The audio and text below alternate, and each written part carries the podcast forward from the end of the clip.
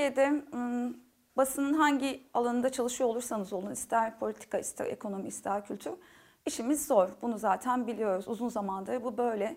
Ee, gerek iktidar baskısı olsun, gerek işte medyadaki e, yapının bütünüyle değişmesi olsun pek çok sorun var. Ee, ve elbette kültür gazeteciliği de bundan azade değil. Yani e, basında çalışmanın türlü zorluklarını biz de yaşıyoruz aslında. Ama kültür alanında haber üretmenin yani daha doğrusu kültür gazeteciliği yapmanın kendi içinde başka zorlukları var. Ee, birincisi umarım bu e, fazla gelmez ama yani fazla bulunmaz ama şey gibi e, nesli tükenmekte olan bir türün son temsilcileri gibiyiz Türkiye'de. Çünkü e, aslında sayımız azalmadı, e, kültür gazetecilerin sayısı azalmadı. Ama görünürlüğümüz çok az çünkü basında özellikle basılı medyada e, neredeyse hiç kültür haberciliğine ayrılan bir alan yok. E, çalışma alanlarımız gittikçe azalıyor bu anlamda. Artık kültür sanatın medyada bir yeri olduğunu düşünmüyorum açıkçası. Hakkıyla kültür sanat haberlerini okuyucuya ulaştıran yayın organı bir elin parmaklarını geçmez. Ben de aşkla bağlı olduğum bu meslekte tutunabilmek için fazlaca mücadele verdim. Ve birçok meslektaşım işsizken şu anda bu işi yapabildiğim için şanslıyım. Temel zorluk bu işte var olabilmek aslında. Aslında ne kadar kaldı işte kültür sanat haberciliği? Çünkü kültür sanat haberciliği e, kanımca e, kültüre ve sanata duyulan ilgiyle birazcık doğru orantılı. E, hem adet olarak, sayı olarak hem kalite olarak. Ne yazık ki geçmişteki tabii yazarları, tiyatro eleştirmenlerini, sinema eleştirmenlerini hakikaten ben benim için mumla arıyorum desem yalan olmaz. Yani bir işte Filiz Ali'nin müzik eleştirileri, Atilla Dorsaylar, Sungu Çapanlar olsun. Hakikaten bütün e, alacağımız şeyi, tüketeceğimiz sanatı az çok e, belirleyen isimlerdi. E, çok önemserdik. Yani e, biz konserler, ilk daha konserler verdiğimiz zaman da konserlerimize gelen e, müzik yazarları olurdu. E, ve tabii hiçbir zaman onlar işte kılık kıyafeti falan ona bakmazlardı. Müziğe, şarkıya, işte şarkının nasıl icra edildiğine, sözlerine falan bakarlardı. Kültür sanat sayfaları gazetelerde e, ilk olarak zaten Cumhuriyet Gazetesi ile e, gelmişti. Ondan sonra yani e, ba, bazı gazeteler kültür sanat sayfalarına yer açmaya çalıştı. Bazıları iyi yaptı. Bunun iyi, iyi örnekleri oldu. Radikal Radikal 2 gibi e, iyi örnekleri oldu. E, hala devam edenler var. Bir gün evrensel, e, Yeni Şafak'ta da var. E, Milliyet e, düzenli olarak şu an yapıyor kültür sanat sayfası ama bunlar hep e, ilk ilk e, sıkıntı da her zaman aslında gerçekteki gibi bir yandan da e, gerçekte nasıl kültür sanat e, başına ilk gelen ilk kötü şey gelen şey e, alan kültür sanat oluyorsa, konserler iptal oluyorsa, müzisyenler işte sanatçılar büyük sıkıntılar yaşıyorsa kültür sanat sayfaları da ilk e, elden gözden çıkarılacak yer olarak görülüyor. Bizde e, çok şükür hiçbir zaman kültür sanat sayfası e, Cumhuriyet'te tamamen kapanmadı ama bazen tek sayfaya düştüğümüz oluyor. E, şu anda da pandemi dolayısıyla tek sayfayız. Sayfa sayısı, gazetenin genel sayfa sayısının düşmesinden dolayı. E, ama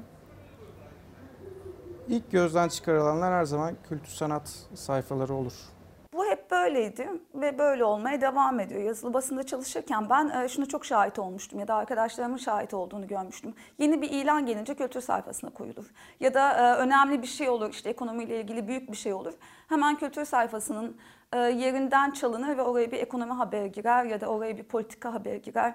Yani sanki gereksiz bir işmiş gibi neredeyse müzik ve sanat eleştirmenliği. Çünkü ee, biz mesela çok yıllar önce Ses Dergisi'nde müzik muhabirliği yaptığım zaman yani e, birkaç müzik muhabiri falan vardık öyle. Yani ben müzik eleştirmenleri, plak, plak eleştirileri de yazıyordum ama birkaç kişiydik yani. Sevgili e, Lale Merkit de vardı. Yani bir kişi bile e, altından kalkamıyordu müzik haberlerinin, gittiğimiz konserlerin, ne bileyim yaptığımız röportajların. Öylesine yoğun, öylesine doluydu. Şeye de baktığımız zaman yani televizyonlarda da artık müzik yok. Yani diziler dışında e, baktığın zaman reklamlar dışında ne bir doğru düzgün müzik programı kaldı. Çok çok az yani. Baktığınız zaman belki e, yüz binlerce saat yayın yapılıyor ama bunun içinde e, çok çok az müziğe ve hele sanata zaten hemen hemen hiç yer ayrılmıyor. Eskiden bir dönemler e, belki hala zaman zaman var şimdi TRT 2'de ama ne yazık ki bütün kanallar daha doğrusu bütün medyadan tek bir ses çıkmaya başladığı için yani birbirlerini takip ediyorlar ve hep görüyoruz zaten attıkları e, yandaş medyanın attıkları başlık bile aynı. Çalışma alanlarımız çalışma alanlarımız çok daraldı. Onun dışında sanki Türkiye'nin çok ağır gündemi içerisinde kültüre e, şimdi onun sırası Melih Cevdet Anday'ın hoş bir yazısı vardır. Orada e, der ki ya işte daha iktidar kurulmamış, koalisyon hazırlanmamış, imla kurallarının e, konuşmanın ne lüzumu var diye bir yazı yazmıştır. Biz de bu Melih Cevdet'ten Anday'dan bugüne aynı şeyle karşı karşıya kalıyoruz. Ya işte dolar şu kadar olmuş, işte e, Türkiye'nin bu kadar ekonomik problemleri var, başka dertleri var. Şimdi kültürün sırası mı? E, gibi bir bakış açısına maruz kalıyoruz ve bu e, medya patronları eliyle de böyle gözüküyor. O yüzden kültür gazetecisi olmak için e, hem e, medya patronlarını bunun ne kadar önemli bir alan olduğunu ikna etmemiz gerekiyor. Hem de diğer taraftan işte zaten gazeteciliğin mevcut iktidar baskısı olsun, ekonomik koşulları olsun, güvencesiz çalışma koşulları olsun bunlarla mücadele etmemiz gerekiyor. Bir de diğer taraftan şöyle bir sıkıntı var. Ee, bazen e, diğer gazeteci arkadaşlarımla konuşurken sanki bilinmeyen bir dilden bahsediyormuşuz gibi hissediyorum. Çünkü işte bir yönetmen ölmüş, şu olmuş, işte ya bak işte Fransa'da tiyatro işgalleri var gibi e, fark ediyorum ki diğer gazeteci arkadaşların o daha hiç bu yönde değil. Onlar işte e, o kadar yoğunlar ki gerçekten tamam çok haklılar çünkü e, Türkiye'de 5 dakikada çok büyük değişiklikler olabiliyor. Ama biz böyle kendi aramızda ya şunu gördün mü? Bak işte Fransa'da 50 tiyatro salonu işgal edildi. İşte şurada şu oldu. E, opera sanatçıları işte pandemiye karşı işte atıyorum parlamento binası önünde şarkı söylemişler. falan dediğimiz zaman Aa, öyle mi? Öyle mi olmuş gerçekten? E, diyorlar. Bir de böyle kendi e, gazetecilik dünyası içerisinde de böyle bilinmeyen bir dilden bilinmeyen bir gündemden bahsediyormuşuz gibi oluyoruz. O yüzden e, mevcut şöyle toparlayayım. Gazeteciliğin mevcut dertleri içerisinde biz kültür gazeteciliğinin e, daha başka sorunları var ve hem medya patronlarıyla hem ekonomik koşullarla hem güvencesiz çalışmayla ve söz ettiğim diğer şeylerle uğraşmak zorunda kalıyoruz.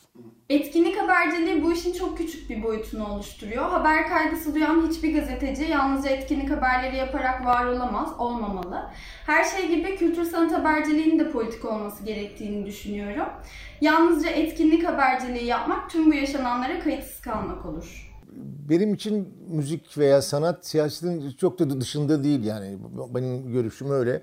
E, benim için e, sanatla uğraşan insanlar mutlaka ve mutlaka yani bu sağ sol fark etmez mutlaka e, güce karşı erke karşı e, muhalif olmaları lazım. Yani bu yerel yönetimlere de normal yönetimlere çünkü öbür türlü eğer bir yere bir yerden birkaç konser daha yapacağız diye susarsanız işte bir şey işte bu yerel belediyelerin aman kızdırmayalım diye susarsanız bu yaptığınız bambaşka bir şey olur. Zaten e, görüyoruz son dönemlerde yapılan işleri de. İktidar her şeyi yaratabilir ama kendi sanatçısını yaratmasına imkan ihtimal yok. Yani e, ne kadar çabalarsa çabalasın yaratamaz ve yaratamıyor. Zaten bütün o e, sanatçılara e, saldırının altında bence biraz bu da var. Yani o kadar güç var ama e, atıyorum e, çok muhafazakar bir e, kardeşimizde bir turbanlı kız kardeşimizde tutup yine sanatı yüksek sanat diyemeyeceğim ama yani normal sevdiğimiz bizim de sevdiğimiz e, insanları dinliyor. O, o tür filmlere gidiyor. O kitapları okuyor. Yani sanat bamba, sanatın bambaşka bir özelliği var. Dediğim gibi en büyük kızgınlıkları, kırgınlıkları kendi sanatçılarını e, yaratamamaları ve zaten böyle böyle bir şey de e, beklenemez. Çalışma alanlarımız çalışma alanlarımız çok daraldı. Onun dışında sanki Türkiye'nin çok ağır gündemi içerisinde kültüre şimdi onun sırası Melih Cevdet Anday'ın hoş bir yazısı vardır. Orada e, der ki ya işte daha iktidar kurulmamış, koalisyon hazırlanmamış, imla kurallarının e, konuşmanın ne lüzumu var diye bir yazı yazmıştır. Biz de bu Melih Cevdet'ten Anday'dan bugüne aynı şeyle karşı karşıya kalıyoruz. Ya işte dolar şu kadar olmuş, işte e, Türkiye'nin bu kadar ekonomik problemleri var, başka dertleri var. Şimdi kültürün sırası mı? gibi bir bakış açısına maruz kalıyoruz ve bu medya patronları eliyle de böyle gözüküyor. O yüzden e, kültür gazetecisi olmak için e, hem e, medya patronlarını bunun ne kadar önemli bir alan olduğunu ikna etmemiz gerekiyor.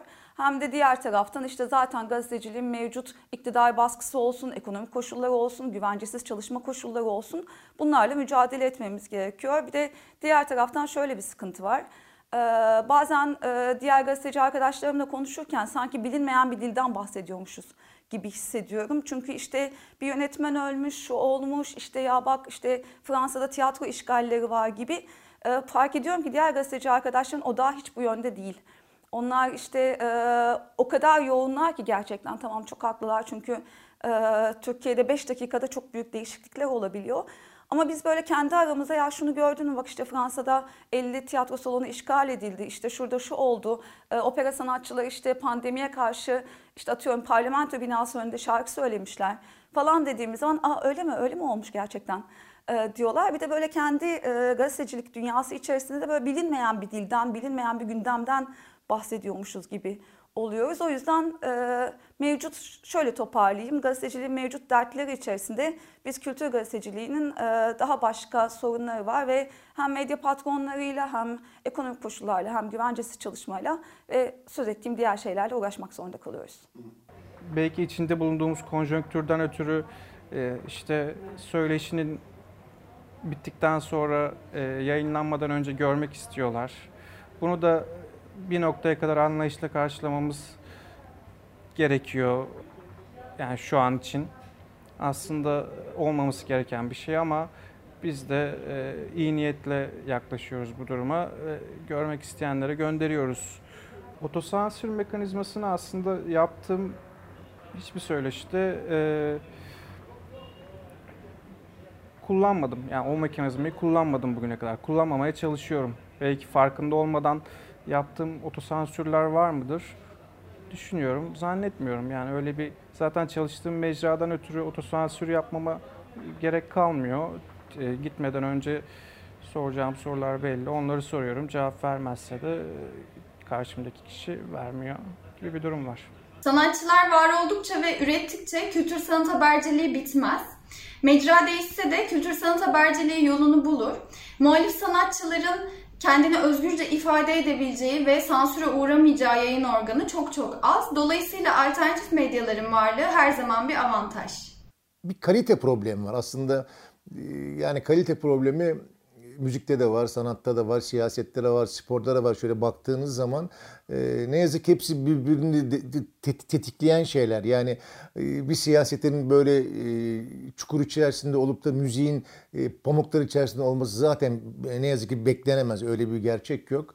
E, onun içinde medyanın içinde e, yine birkaç hep alternatif dediğimiz şeyler yani yayınlar var. Bazı dergiler var işte hepimizin bildiği. Bir iki gazete var. Yani yine bir iki televizyon var işte KRT falan gibi veya işte zaman zaman başka kanallar da oluyor ama e, ne yazık ki çok çok az. Yani müziğin ciddiye alınması dediğin gibi bu kadar sayı adet olarak e, hakikaten dijitalleşmenin de getirdiği avantajla bu kadar çok üretimin olduğu bir yerde bu kadar az ses çıkması eleştiri olarak da çok sorgulanmalı bence. Hemen aklıma gelen bir örnek bir büyük bir gazetede bir haber çıkmıştı. Hemen manşetin yanında böyle kocaman verdikleri bir haber. Bir oyuncunun ölümüyle ilgili bir haberdi bu.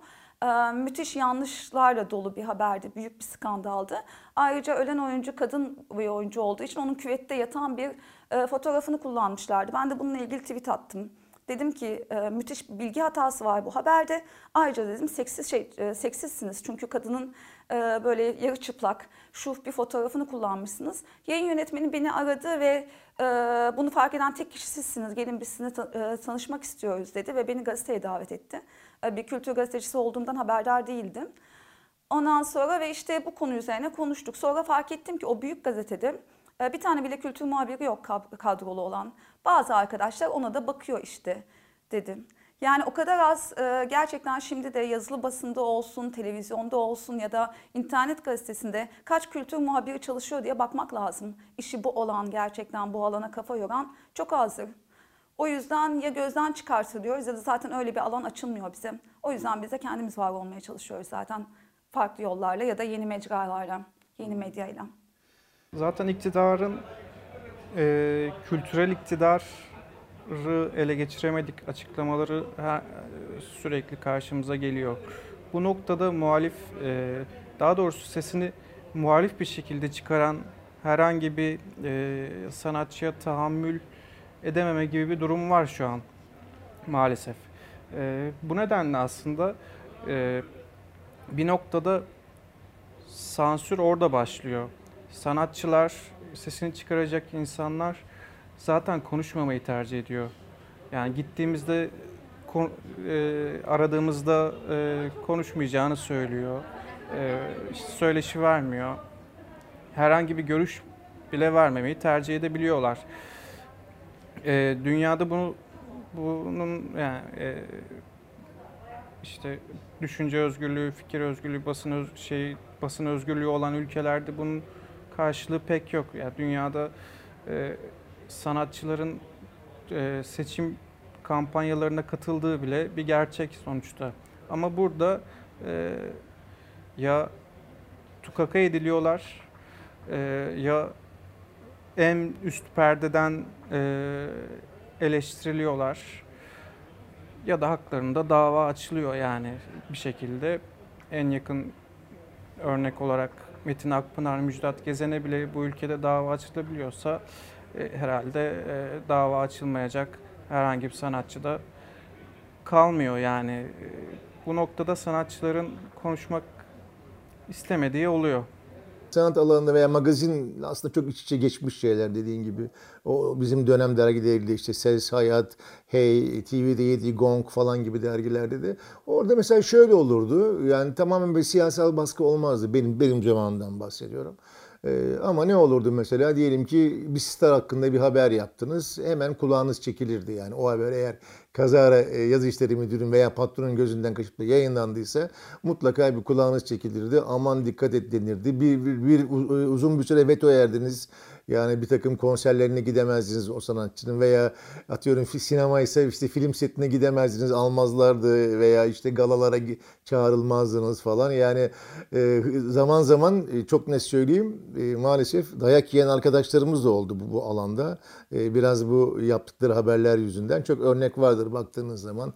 E, özellikle hafta sonu e, dergisiyle ilgili bir sürü arşive baktığınız zaman şimdi isimlerini vermeyeyim arkadaşlarım ama dediğim gibi darp edilen, şiddete uğrayan arkadaşlarımız bile oldu. Ama bunlar e, yapılan haberlerin sahipleri tarafından oldu. Yani bir siyasi güç tarafından değil e, ama öyle şeyler oldu zamanında da. Kültür gazeteciliği magazin gazeteciliği olarak görülmesinden hoşlandığımı söyleyemem. Bu magazin gazeteciliği çok önemlidir bence. Dünyanın her yerinde önemlidir ve elbette ki yapılmaya devam edilmesi gerekiyor ama kültür gazeteciliği yalnızca bundan ibaret değildir. Aksine bundan çok çok daha fazla. Örneğin siz Ayasofya Camii'den bahsederken bütünüyle kültürel bir meseleden bahsediyorsunuz. Ya da işte Galata Port projesinden ve Yolu Kültür Yolu'ndan bahsederken bütünüyle kültürel bir şeyden bahsediyorsunuz. İşte e, Galata Kulesi'nin yıkılması, AKM'nin yıkılması, emek sineması ile ilgili yapılan şeyler yani Türkiye'nin e, kadın mücadelesi, anayasa değişikliği, e, Kürt meselesi bunların hepsi kültüreldir ve bütünüyle kültür gazeteciliğin işidir aslında bunlar, bunları haber yapmak. Ayrıca kültür gazeteciliği şunu sağlar, siz ekonomiyle ilgili, doğuş grubu ile ilgili bir haber yaptığınızda kültürle ilgili ayağını boş bırakırsanız aslında pek çok şey havada kalır. Ya da Kürt meselesiyle ilgili bir haber yaparken onun kültürel boyutundan, ana dili meselesinden bahsetmediğiniz zaman e, havada kalır. O yüzden kültür gazeteciliği bence bütün alanları kapsayan, bütün alanlarla ilgili aslında bütün gazetecilere temel oluşturan, meselenin ne olduğunu anlamamızı sağlayan bir alan. Ben kültür gazeteciliğine böyle bakılması gerektiğini düşünüyorum. Ayrıca arkeoloji, tarih, mimari, kent yaşamı, kent kültürü bunların hepsi kültüre dahildir. Elbette ki magazin bunun bir parçası ama bence küçük bir parçası. Her gazetenin günlük olarak bir magazin sayfası var. Ee, magazin 2 var çoğu gazetenin. Magazin e, haberleri yer alıyor orada. Ee, benim için e, sanatçının yaptığı iştir konu. Ee, dışarıda görüp de e, işte ne yaptığı değildir. Dışarıda nerede gezdiği değildir. Kiminle beraber olduğu değildir. Ee, bu tür konular bizim sayfalarımızda yer almaz. Ee, biz sanatçının yaptığı işle, söylemek istedikleriyle, sanatçı kimliğiyle söylemek istedikleriyle e, haşır neşir oluruz. onlar üzerine konuşuruz, onlar üzerine haber yaparız. Bizim magazinden ayrılan tarafımız bu. E, Kültür sanat haberciliğinin tabii sadece yazılı basınla e, özellikle son zamanda bakmamak lazım. Yani yazılı basında bir de şöyle bir handikap olurdu. E, Atıyorum işte 1800 vuruş ya- yazacaksın da falan filan. E şimdi dijital bu anlamda dijital e, habercilik veya dijital siteler, bloglar bu bakımdan çok büyük avantaj sağlıyor aslında. E, istediğiniz zaman e, hakikaten çok değerli yazıların, yazarların yazılarına e, e, ulaşabiliyorsunuz. Ayrıca e, herkesin gazeteci olmasına da gerek yok. Bazen çok değerli genç müzisyenler gibi veya genç akademisyenler çok güzel yazılar yazıyorlar. Yeter ki hani bunları bul- bulmak lazım açıkça. Öyle yani Google'a yazarak olacak işler değil. Yani e, onun için ama e, ben e, dijital bir şeyin e, kültür ve sanat alanında e, bayağı bir e, devrim yarattığını söyleyebilirim. Çünkü dediğim gibi bir defa şey sınırlaması yok. Yani e, istediğin kadar yaz neredeyse istersen yani binlerce sayfa yaz. E, Yani öyle bir karşılık bulma şeyim var. Okuyucu olarak bulursan tabii ayrı. E, ama çok daha özgür olduğunu düşünüyorum. Yani bu şeyin nedir o dijital mecradaki yazıların e, tamamen e, işte bir patron baskısı olmadan genellikle yani özellikle insanları bireysel olarak düşünürsek bir yere bağlı olmadan. Onun için e, dedim, ben çok faydalı buluyorum. Dijitalin getirdiği faydalar tabii ki var. Ee, Örneğin e, gittiğimiz bir serginin e, haberini yaparken gazeteye koyabileceğimiz fotoğraf sayısı 1-2 iken e, dijitale e, aynı haberin ve serginin fotoğraflarını daha çok koyabiliriz. Daha uzun söyleşiler yayınlanabilir. Ama bu konuda ben de çok uzun söyleşilerin o kadar e, etkili ve efektif olmadığını düşünüyorum. Yani aslında bir noktada şuraya geliyor. Belki ben biraz daha bu konuda muhafazakar olabilirim. Hani gazetede yer alan söyleşi e, uzunluğu bence yeterli bir uzunluk. Söyleşi uzadıkça e, daha az okunuyor ve e, bir noktada belki insanları daha çok sıkıyor olabilir e, diye düşünüyorum ama dijitalin getirdiği çok büyük faydalar var. Yani videolu e, haberler, söyleşilerde videoların kullanılması, e, şu an birçok e, sosyal medya kullanıcısı, e, daha doğrusu sosyal medyada kültür sanat işiyle uğraşanlar gittikleri her yerden haberleri anlık olarak e, ne bileyim Instagram'da paylaşabiliyor, Twitter'da paylaşabiliyor. Bu tür faydaları e, var tabii ki görmezden gelinemez faydaları var. E, ama işin sonucunda yine e, bir noktada habercilik e, önemli oluyor. Yani bir iş, bir kişi haber yapıyorsa e, iş orada bitiyor. Yani bu bunun platformu fark etmez. E, bunu Instagram'da da yapıyor olabilir, YouTube'da da yapıyor olabilir, e, Twitter'da da yapıyor olabilir diye düşünüyorum.